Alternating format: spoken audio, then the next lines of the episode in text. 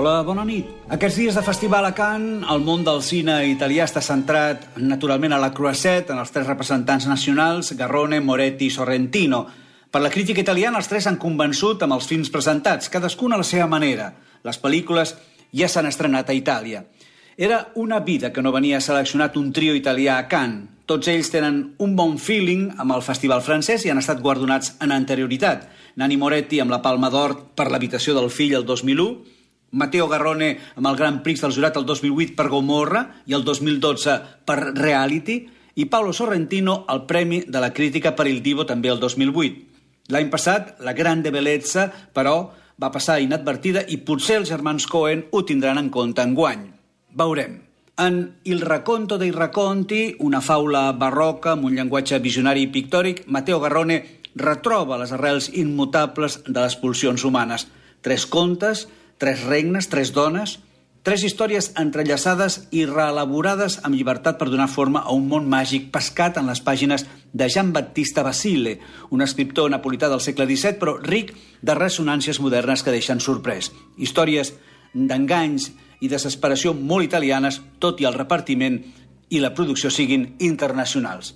En Mia Madre, Nani Moretti, en canvi, torna als seus films personals de vida quotidiana. És potser l'obra més autobiogràfica de l'autor romà, tot i que la protagonista és una dona, una dona immersa en el rodatge d'una pel·lícula i que viu el sentit de culpa per no estar prou present en la capçalera del llit de la seva mare malalta. Margarita Bui, deliciosa i commovent protagonista. Però de la que se'n parla més a Itàlia és Youth, la jovinezza, de Paolo Sorrentino, la crítica internacional, seguint part de la crítica estrangera, la descriu com un devastador concert d'emocions. Un film que conmou, amb diàlegs profuns sobre el sentit de la vida, però a la vegada divertits amb un Michael Caine insuperable als 82 anys. La jovinezza, la joventut, és un títol ambigu. Podria dir-se perfectament la bellesa o la soledat, perquè el film parla d'això, de la memòria i de l'absència, del buit de la vida del que queda en els records, en els gestos d'una vida quan la vida s'acaba.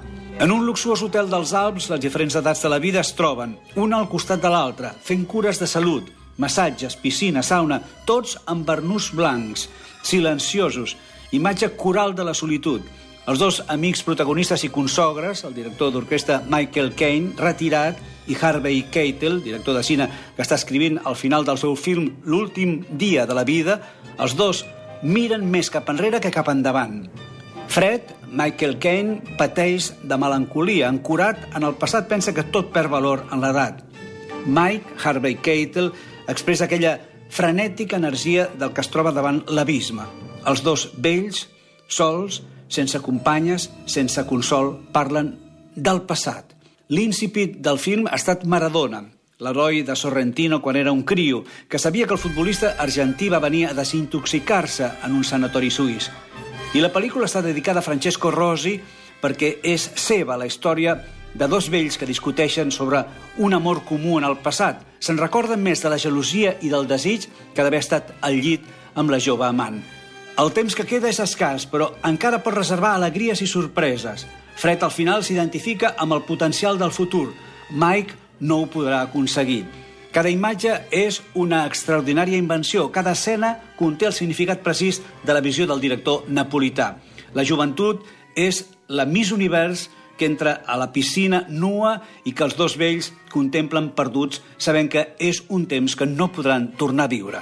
Certament ambiciós i grandiloquent, la jovinezza, com la grande bellezza, ha estat destinada a desencadenar grans passions. Des de Roma, per la finestra indiscreta.